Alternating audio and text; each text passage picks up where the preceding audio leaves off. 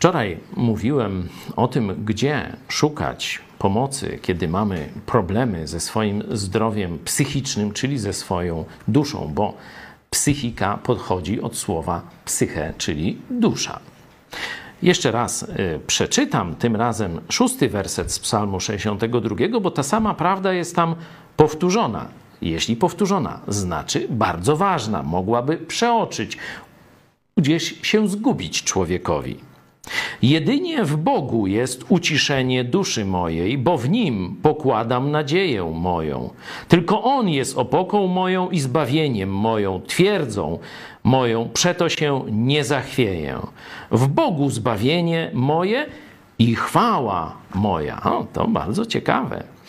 Skała mocy mojej, ucieczka moja jest w Bogu.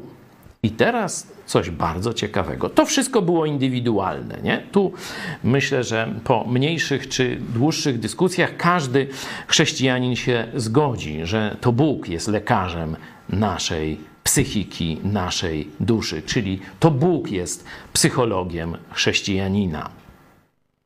A werset dziewiąty jest taki. Ufaj mu narodzie, już nie indywidualnie Ufaj mu narodzie w każdym czasie. Wylewajcie przed nim serca wasze. Bóg jest ucieczką naszą. Tylko tchnieniem są synowie ludzcy i od nich żadnej pomocy. Tu wzywa cały naród do wylewania swoich uczuć, żalów, niepokojów przed Bogiem.